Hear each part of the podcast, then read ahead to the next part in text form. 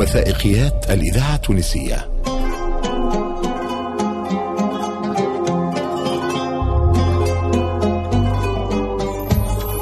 يا مكان. مقام الصحابي سيدي أبي لبابة. نكاد نجهل كل شيء عن النظام السياسي والإداري لمدينة كابس في العصور القديمة وليس لدينا من النصوص ما يساعدنا على الوصول إلى معرفة الأحداث والتطورات التي تعرضت إليها هذه الجهة والتي كانت في يوم من الأيام العاصمة الثانية لإفريقيا بعد القيروان. لكن المدينة اشتهرت ولا زالت بأحد معالمها الدينية مقام سيدي أبو باب الأنصاري والذي يعد من المعالم الدينية الأكثر شهرة عبر التاريخ فمن هو أبي لباب الأنصاري؟ الباحث في المعهد الوطني للتراث ياسين لكحل يحدثنا عن هذا الصحابي الجليل وعن تاريخ هذا المقام. هو بشير بن عبد المنظر بن رفاعة كني بابنته لبابة لذلك معناه هو معروف باسم لبابة اقترنت به حادثة بنو القريظة حيث طلبوا من الرسول صلى الله عليه وسلم أن يرسلوا إليهم سيدنا أبو لبابة ليستشيروه وكان كانت قبيلته آه، هي قبيلة الأوس التي ينتسب إليها لها علاقات مع آه، بنو قريظة أدى إلى أنه هو رجح موقف قبيلة الأوس على حساب الحادثة في في حد ذاتها. بعد ذلك عدل موقفه وأعلن توبته وفي ذلك معنى قوله تعالى وآخرون اعترفوا آه، بذنوبهم. تقول الرواية الشفوية أنه توفي بوادي الغيران قرب مارس ثم تم آه، نقل رفاته إلى آه، منطقة سيدي بولبابة. منذ القدم اقترن اسم مدينة جابس باسم الصحابي الجليل أبو لبابة الأنصاري فلا يدخل غريب المدينة إلا وزار مقامه تبركا وتقربا إلى الله. جابس في التاريخ كانت مرفأ قرطاجي قبل أن أن تصبح معنا مدينة رومانية ووصلت معنا في الفترة الرومانية إلى أعلى درجات الرملة المكان هذا اللي شهد عليه المقام هو من أقدم الأماكن في آه، مدينة آه، جابس. وفي الفترة الوسيطة وجود المقام هو اللي قيمة أكثر لمدينة جابس باعتبار أن سيدي بولبابة هو أحد الصحابة الأجلاء وهو اللي كما كما نقولوا هو اللي patron de la ville معناها هو سيد المدينة اللي أعطاها كالاشعاع الثقافي والديني وأصبحت معناها جابس قبلة للزوار اللي يزوروا الصحابي الجليل من العديد من الأماكن.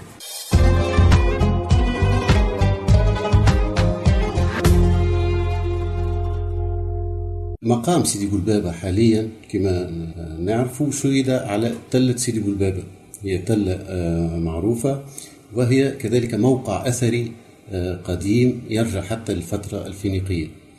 وقت اللي أسسوا المقام تم استخراج آه، قبور ومدافن بنية قديمة. مما يدل معناه على قدم التوطين بهذه المنطقة.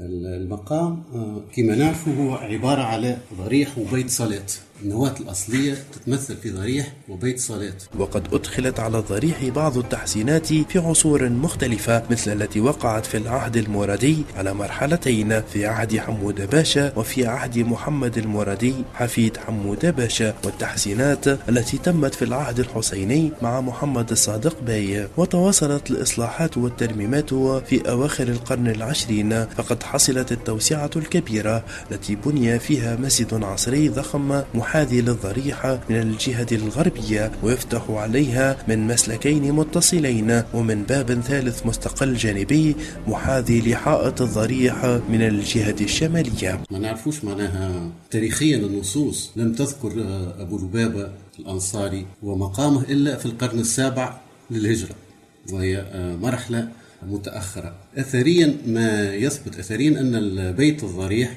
والمسجد هو أقدم المكونات الأثرية للمقام. الرواق الأمامي الذي نشاهده الآن وهو رواق مستطيل معناته تحيط به الأروقة هذايا آه، جدد في العهد في العهد الحسيني تقريبا في فترة محمد الصادق باي في أواخر سنة 1881 قبيل الحماية الفرنسية. يقع مقام سيدي أبي لبابة على مساحة فسحة تجمع المقام والسحن وفضاء المدائح والقرآن إضافة إلى استراحة خاصة بالزوار وهو ما دعا السلطة الجهوية إلى العناية به باعتماد مشروع رئاسي أعاد تهيئته وتوسعته وفق تصميم هندسي إسلامي.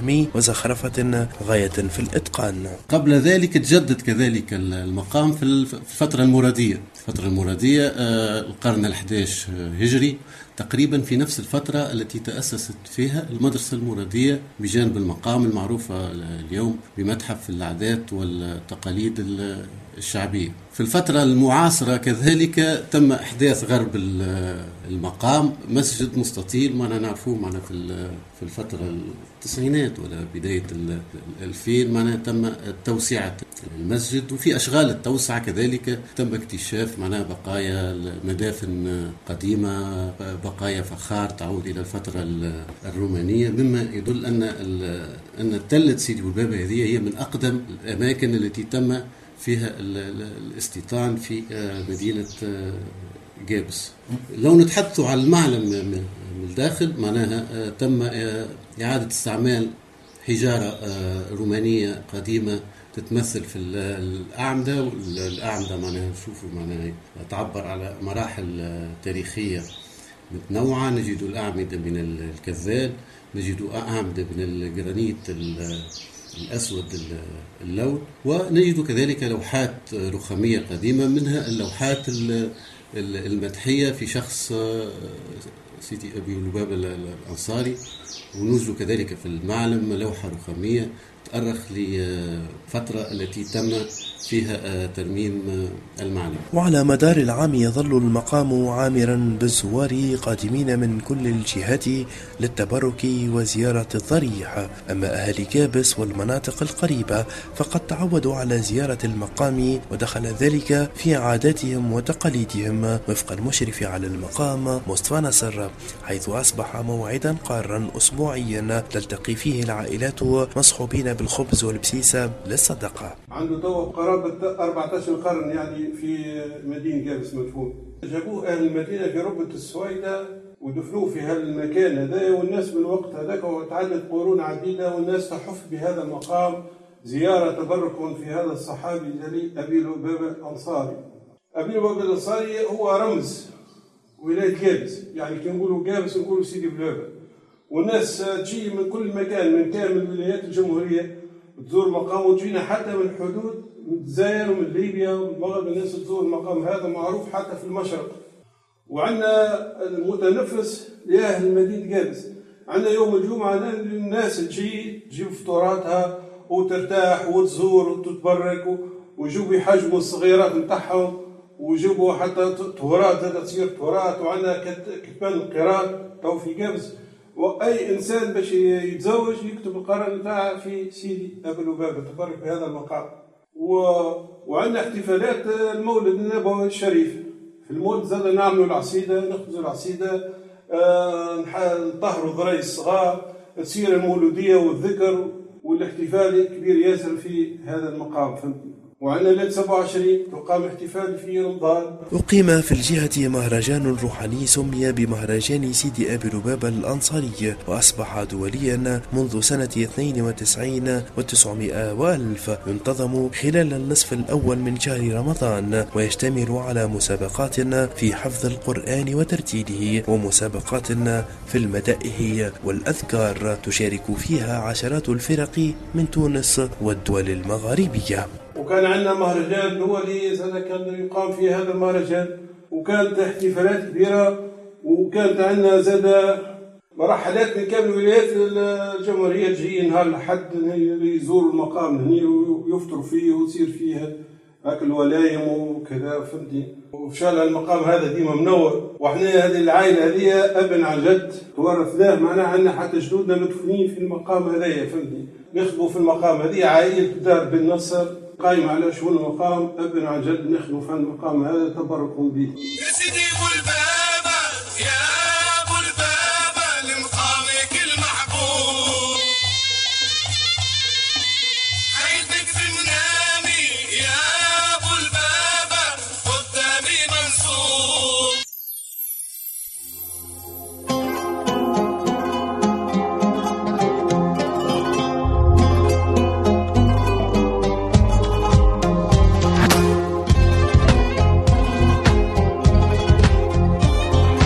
قدمت لكم إذاعة تطاوين مقام سيدي أبي لبابة عمل صحفي وإنجاز محمد علي عكاشة